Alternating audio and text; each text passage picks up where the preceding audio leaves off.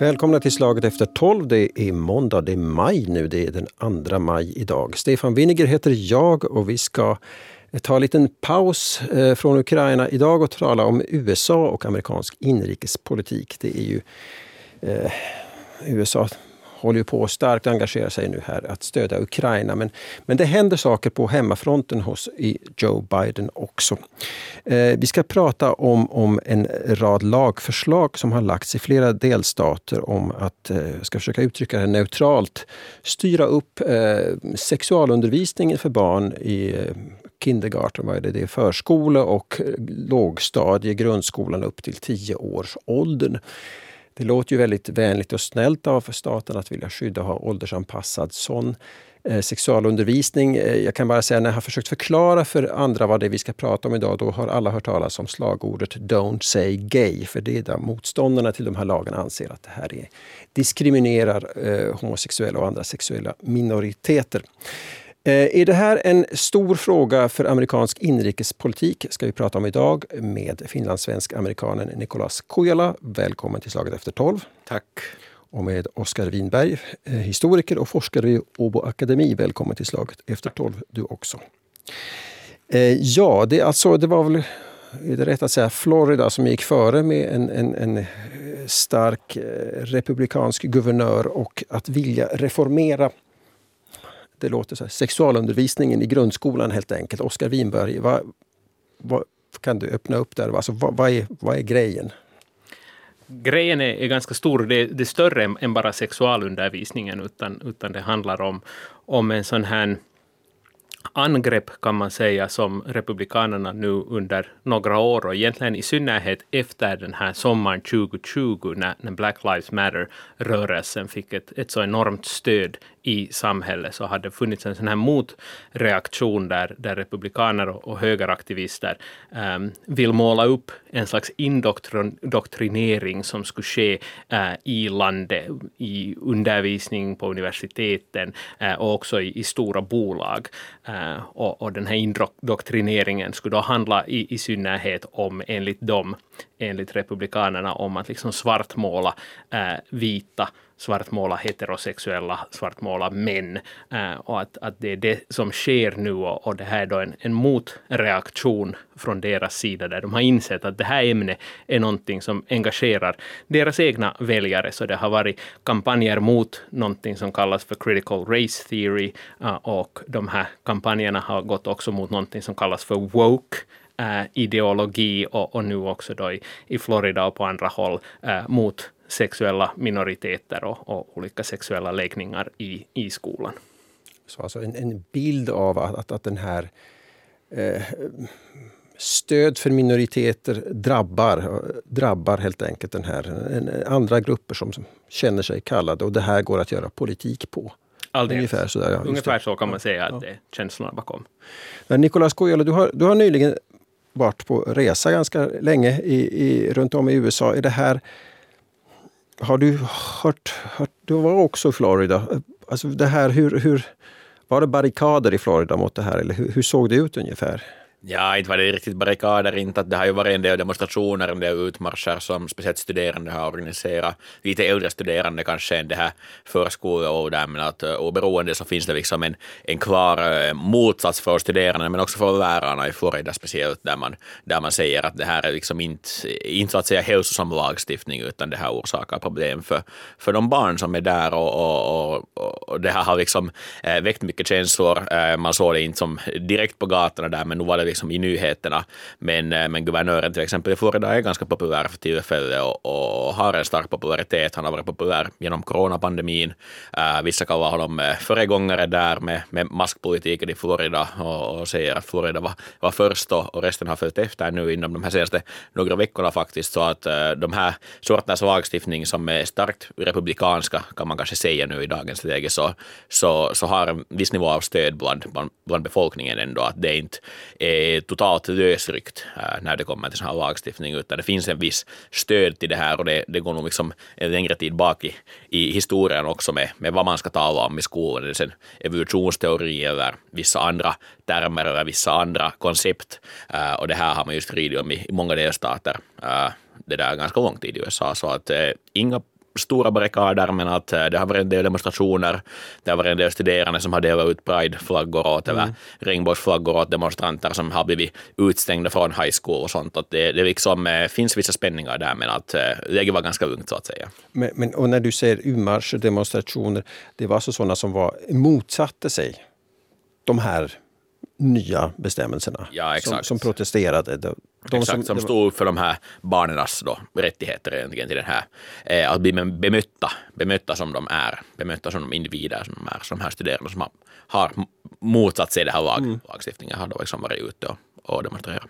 Nu kan det här verka lite förvirrande då, alltså ska vi bena ut alltså exakt vad är det? Vad, syf, alltså vad innehåller den här lagstiftningen? Alltså den här lagstiftningen, um, den, det finns två intressanta aspekter i den och, och den första är då att, att den begränsar eh, i vilken mån lärare i skolor eh, upp till tredje klass, det vill säga 9-10 års ålder, eh, på barnen då, i vilken mån de får eh, behandla olika sexuella läggningar. Och, och, här ingår då, du talade tidigare om, om sexualundervisning, men här ingår också till exempel en matteuppgift där man hänvisar till ett barns två pappor. Det skulle vara alltså förbjudet enligt mm. den här. Um, Likaså en uppgift där man ber barnen i klassen att rita sin familj. Om något barn i, i familjen kommer från en regnbågsfamilj så skulle de teckningarna då inte kunna visas åt de andra barnen. Eller hänvisningar från en lärare till sin samkönade partner skulle vara förbjudna.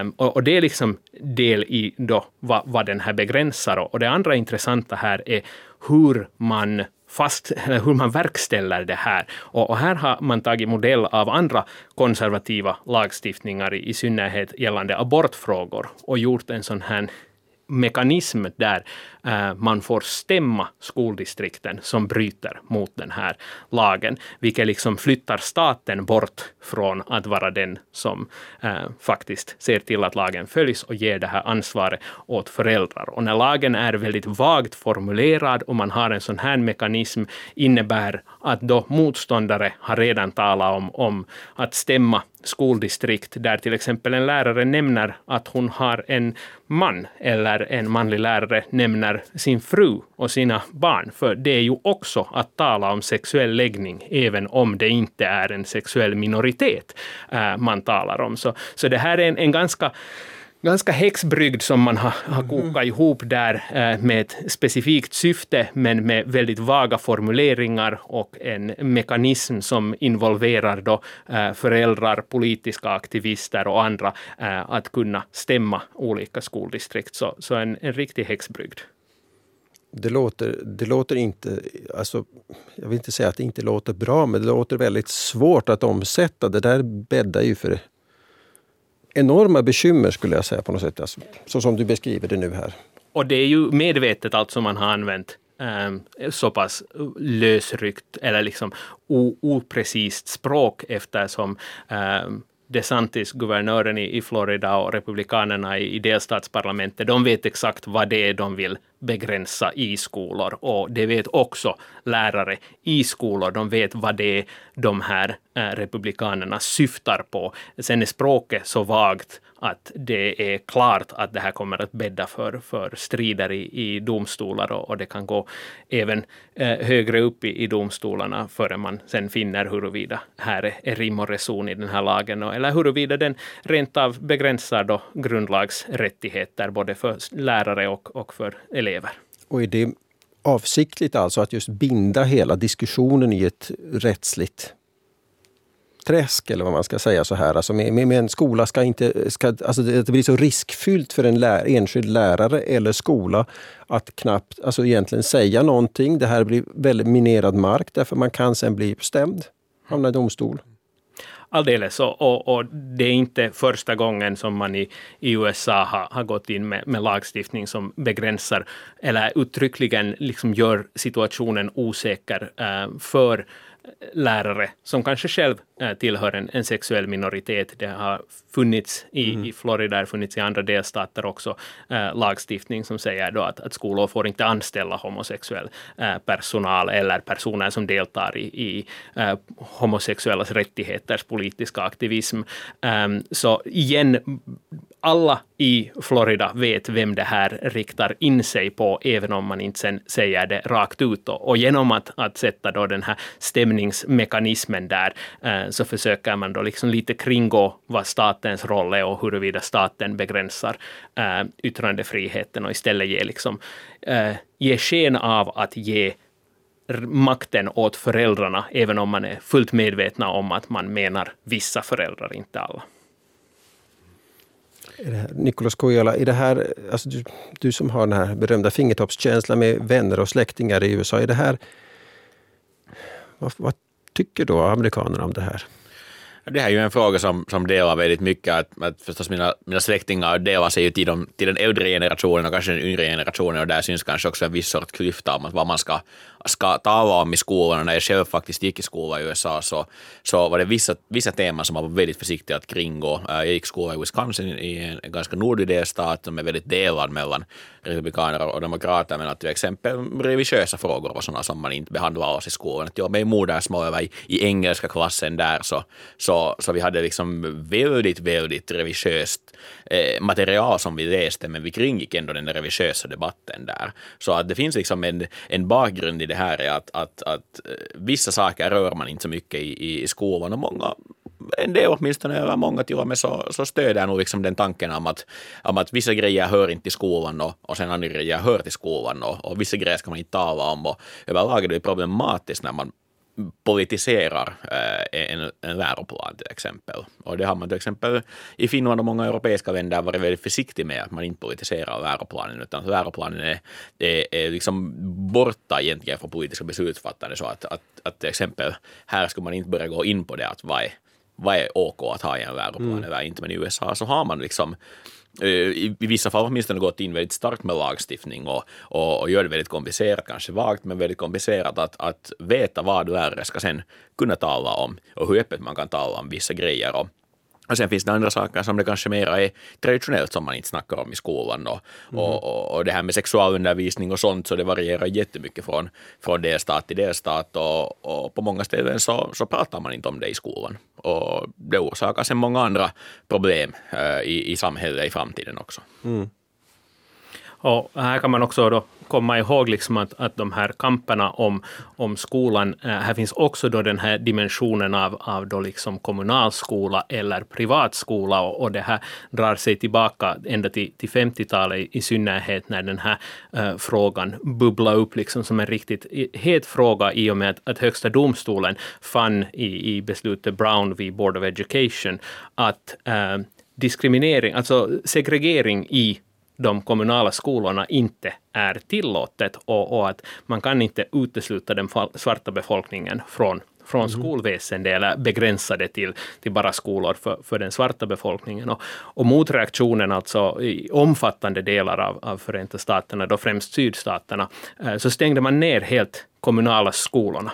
Eh, i flera år i vissa fall, mm. eftersom man inte kunde acceptera eh, den här desegregeringen av, av skolorna. Och, och då öppnade man sen sådana här privatskolor som kallades segregationsakademier i och med att, att syftet var att kringgå det här beslutet. Och, och likaså då när vi talar om, om religiösa frågor, även där Högsta domstolen fann, fann under den här samma tidsperiod att man inte kan då på grund av, av liksom separeringen mellan kyrkan och, staten så, så, får man inte undervisa eller till exempel be eller, eller ha kors i, i klasser. Och, och då blev då sådana här eh, kyrkliga skolor som var privatskolor blev, blev ett, ett sätt att, att kringgå det och, och konservativa aktivister brukar, brukar säga på, på 60-talet att, att Högsta domstolen tog Gud ut ur kyrkan och, och satte in de svarta istället um, i en sån här liksom kampanj mot mm så, så det handlar också om att man vill underminera och, och egentligen,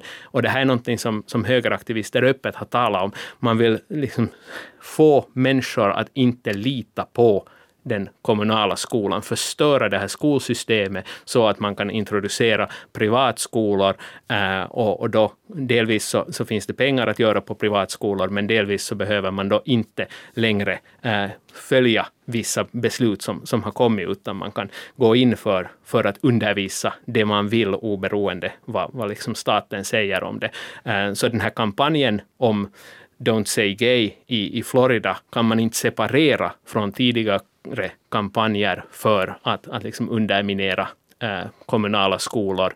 Eh, man kan absolut inte separera den från den här eh, anti-critical race theory-kampanjen där man försöker liksom hävda att, att skolorna lär ut anti-amerikansk mm. propaganda, mm. utan allt, allt det här är liksom samma, samma strid och samma stridsfält där man hoppas på, på stora segrar genom att lägga helt enkelt mm. en slags skugga över allt, all kommunal skola. Och det här vet ju amerikanerna att de här krafterna gör. Och de förstår väl också att de gör det och vad de gör och så vidare. Och då är det den eh, väldigt eh, en bra fråga kanske att ställa så här, och varför sker detta just nu?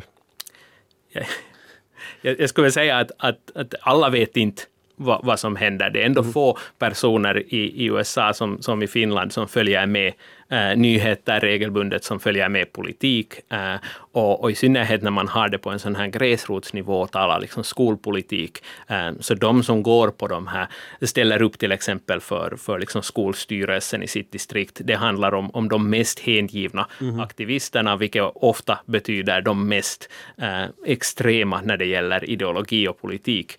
Eh, del, eller liksom medborgarna i, i, i det samhället. Um, så det är en, en del av svaret där om, om hur mycket man vet och, och varför just nu är sen en, en annan fråga.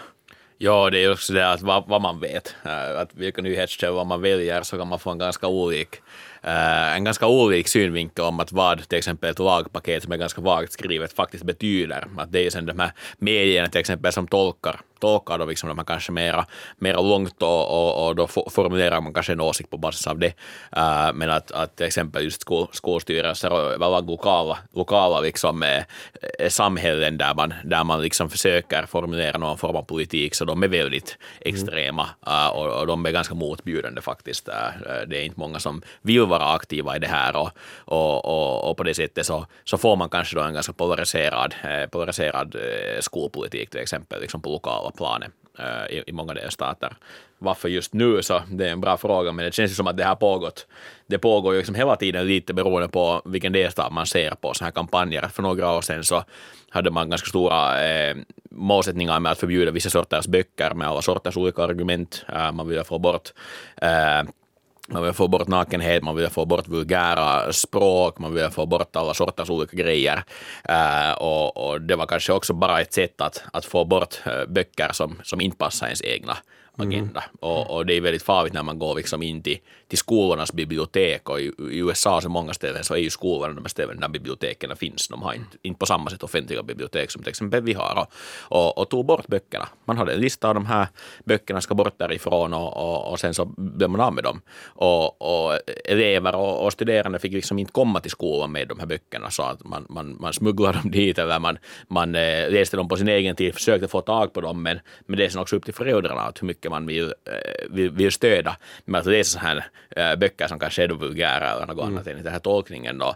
Och, och det, det, det orsakar en splittring. Att, att man, alla, inte, alla inte har samma möjligheter att, att äh, kanske liksom komma åt sån kultur som, som inte kanske passar exakt den egna kulturkretsen. Och det orsakar en splittring och, och, och orsakar kanske mera, orsakar mera problem än, än, än finna lösningar till, till det som finns i, i USA för tillfället, speciellt på lokalplan.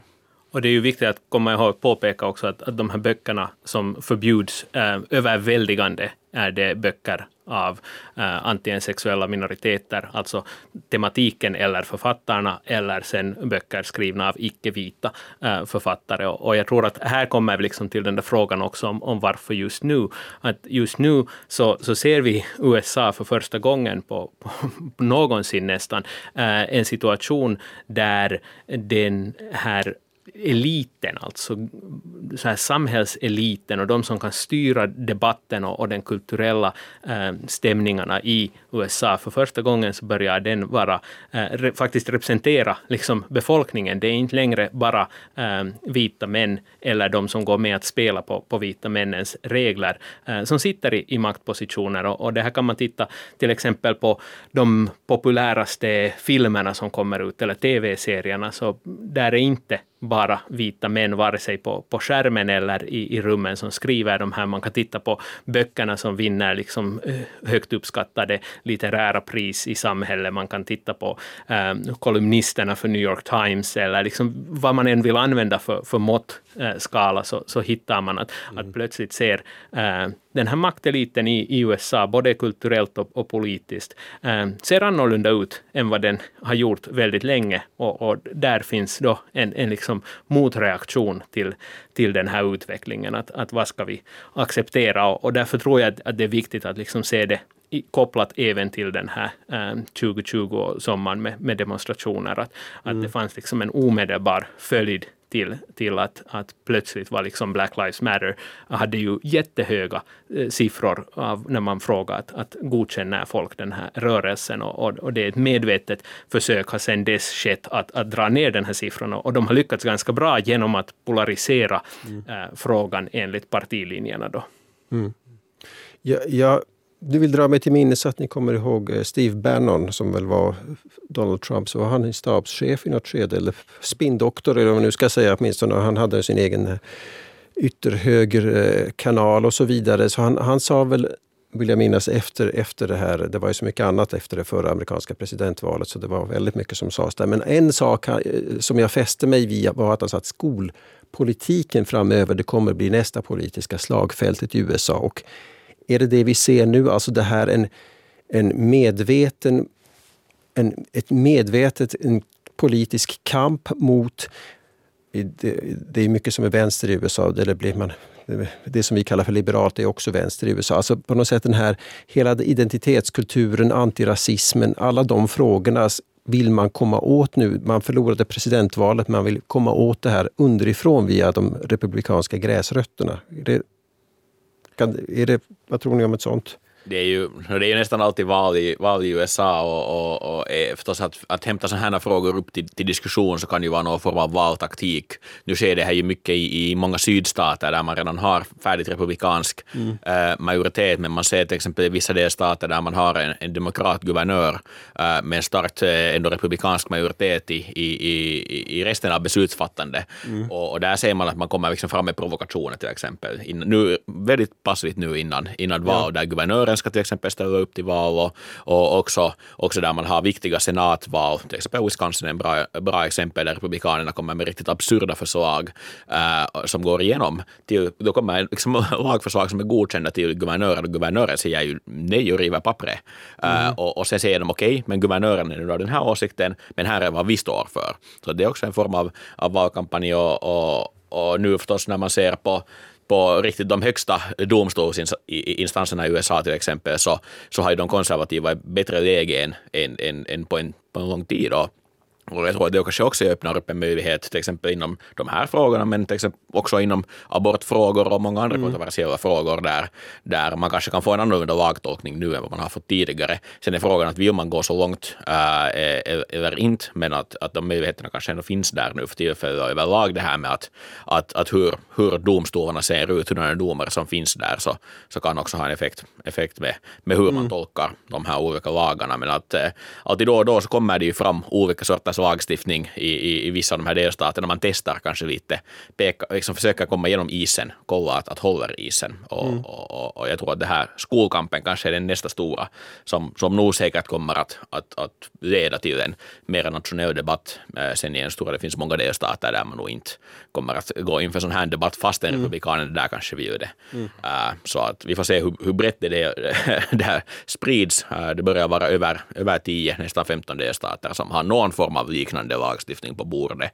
Uh, och och sen att det är ju inte exakta copy-paste, men, men något ditåt. Vissa vill kanske bara komma åt litteraturen, vissa vill komma åt eh, också äldre studerande. Man gör det ännu vagare, säger att, att eh, studerande som är mellan fjärde och, och tolfte klass, och där ska man anpassa det till åldern. Eh, sen får lärarna eller domstolarna eller någon tolka vad är då passligt att tala om mm. med, med de här olika åldersklasserna. Vem är, vem är nu tillräckligt utvecklad för att diskutera de här frågorna i skolan, men att, att överlag så, så känner, känner jag åtminstone att, att, att det här kan nog vara den här nästa stora diskussionen, mm. men, men, men i USA så, så det, det är ett stort land och, och alla försöker få liksom sin egna fråga upp på agendan på nationella nivån och, och det är inte alls sagt att det här är nu den som, som tar över, men att, att uh, nästa val kommer att vara ganska kritiska uh, för båda partierna, så, så båda mm. kommer att försöka få sina egna frågor högt upp på agendan också nationellt.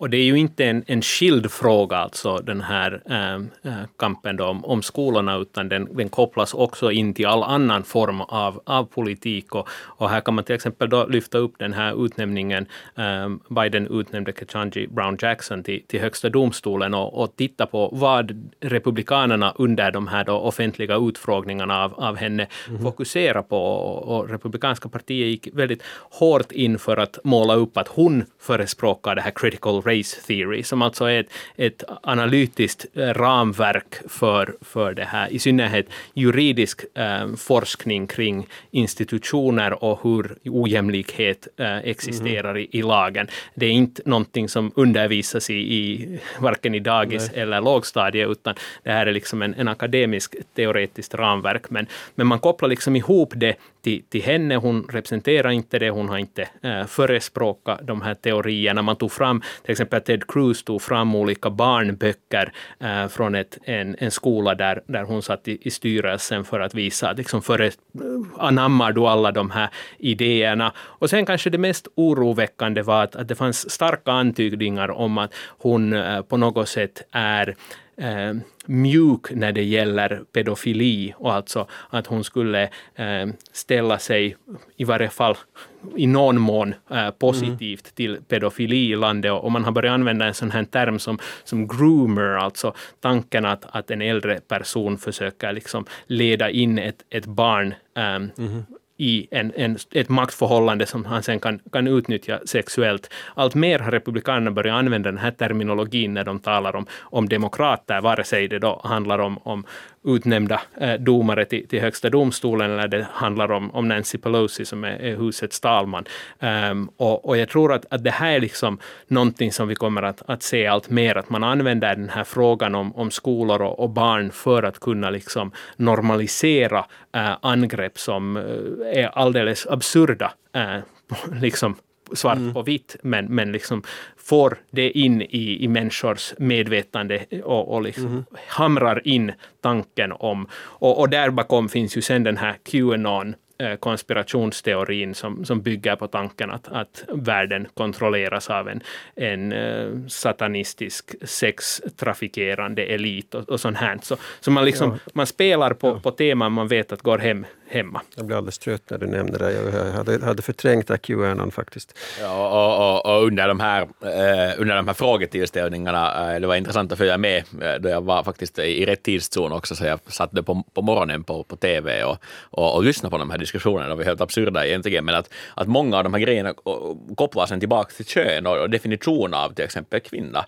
Och det här var ju en av de största argumenten från speciellt Republikanernas mm. sida, att hon, hon vägrar ge en direkt eh, definition på, på till exempel ordet kvinna, äh, vilket ju inte, inte på det sättet är en, en fråga som, som, som en, en domare borde behöva definiera, utan kanske det ändå kommer från individens synvinkel. Men att här blev man väldigt upprörd att, att man kunde inte ta liksom ställning till den här frågan och man man vet ju exakt vad de här republikanerna vill komma åt. Mm. Och där kommer den här liksom, eh, en viss nivå av transfobi till exempel och, och, och överlag liksom den här diskussionen om att, att man vill föra den här, eh, föra den här terminologin till, till nästa liksom, eh, årtionde eller århundrade eh, där man inte mera kanske har den traditionella synen på att en kvinna ska göra det här och en kvinna ska vara det där, utan, utan man försökte liksom fiska ur uh, och de fick ju exakt det de ville och, när hon inte ville egentligen gå, gå in djupt och, och, och mm. definiera det och de visste ju att det här kommer att vara svaret.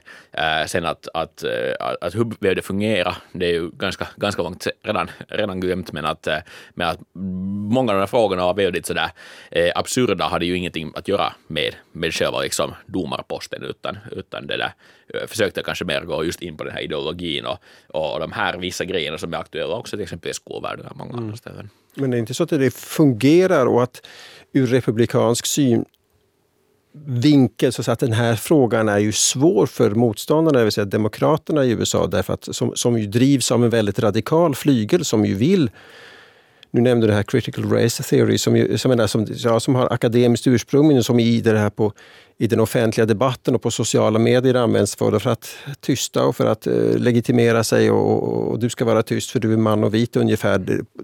Alltså diskussioner på den nivån ungefär och upplevs också som där. Och att, och att, det, att man försöker spela på mjukare, man ska säga moderatare demokrater som ska låta sig skrämmas. Är det, finns inte det här väldigt beräknande draget bakom? Alltså det, det, är väldigt, väldigt medvetet från Republikanernas håll och, och, de har gått in väldigt aktivt för att liksom äga de här definitionerna och, och det är mm. någonting som aktivister som Christopher Rufo har liksom öppet sagt att vi kommer att göra allting att betyda critical race theory. Eh, precis som Donald Trump i tiderna med fake news eh, tog en, en term som användes i akademisk forskning och sen eh, gjorde den så bred att den, den saknar betydelse och man kunde liksom kasta allt under, under det paraplyet och, och det blev svårt att förklara eller liksom försvara sig. Och, och Demokraterna har hittills eh, dragit sig från att, de, att delta i den här liksom kampen och, och de, de ser, ser det lite som ett sånt kulturkrig um, som inte är viktigt, utan vi är här för att, att föra politiken framåt och, och tala sakfrågor. Um, I själva verket så är ju oftast kulturkrig faktiskt handlar ju om, om politik i allra högsta grad och vem som är välkommen in i, i den politiska gemenskapen, vem man utesluter och, och sådana här frågor. Um, men att, att Demokraterna har, har, har tagit en ganska så här liksom um, en tro att, att man kan bara förlora genom att, att gå... Lite den här idén om att, att om du brottas med en gris så grisen gillar det och du blir smutsig. Liksom att de tror att, att om de bara stannar utanför den där svinstian så, så drabbar det inte dem. De, de påverkas inte av det utan de, de kan visa att, att vi är liksom över det här. Och, och det det är svårt att säga att är det här någonting som fungerar, i, i synnerhet när Republikanerna så väldigt målmedvetet och, och med stöd av ett enormt högermedia, liksom klimat, um, kan tuta ut sitt budskap och, och använda sådana här termer som att, att vi är på barnens sida, vi ska rädda barnen. Alltså slagord som man kan gå hur långt bak som helst i tiden och hitta, inklusive på 1970-talet i de här kampanjerna mot homosexuella lärare, så hette kampanjen Save Our Children. Um, mm -hmm. Så om, om de kan använda sådana slagord så frågar man sig att, att varför vill inte Demokraterna ta tag i det här och, och kommer det att kosta dem i framtiden? Mm vill, vill de inte försvara barnen. Och det här som vi konstaterade tidigare, det här sker inte av en slump. Och jag menar den här eh, guvernören i, i, i Florida, Ron DeSantis, han, han har, det här gör han ju inte heller bara som hobby, utan han har ju planer, eller hur?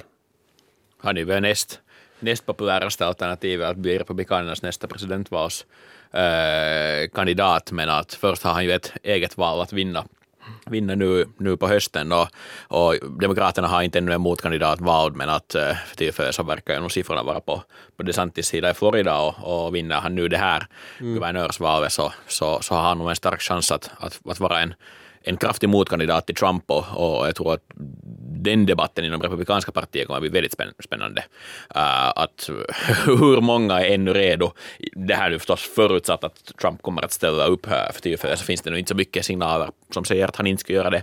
Om han bara eh, har möjligheten att göra det så, så, så, tror jag att han kommer att försöka men att, eh, att hur den här debatten inom det där partiet kommer att se ut kan vara ganska spännande. Mm. Uh, det kommer att vara en maktkamp som är oerhört hård. Eh, med tanke på att Trump ändå är en tidigare president. Han har en, en bakgrund i Vita huset och, och det, det, blir nog intressant att följa med att, att hur den där liksom, eh, progressionen från eh, Trumps tid som republikanernas ledare till någon annan kommer att ske och hur till exempel de här sena, liksom, senatorerna, hur resten av republikanska representanterna runt i delstaterna på lokal nivå, hur de tar emot liksom, en sån här förändring om de gör det.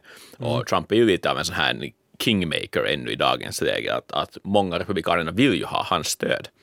För att han är ändå den senaste. Uh, men för vissa så är det ju inte en, en grej som gynnar deras politiska karriär. Och för mm. dem så behöver de kanske då en annan ledarfigur. Att man måste komma förbi tiden med Trump och, och hitta en ny person som kanske för republikanerna är en, en ny Eh, ny tid egentligen av politik och, och, det blir spännande att se hur den här debatten internt kommer att ske och, och sen förstås ska man ju kolla hur den balanseras med debatten som sker inom Demokraterna i den här mm. processen till att komma till 2024. Det är en lång väg dit ännu men att, att 2022-valet eh, kommer att nu på hösten visa ganska mycket och, och, och där har nu primärvalen börjat så småningom så att eh, det, det är ju spännande att se att vartåt partierna kommer att gå men att Republikanerna kommer att ha en hård hård kamp internt för att hitta den nya vägen. Eller sen kanske de väljer att ta den gamla vägen.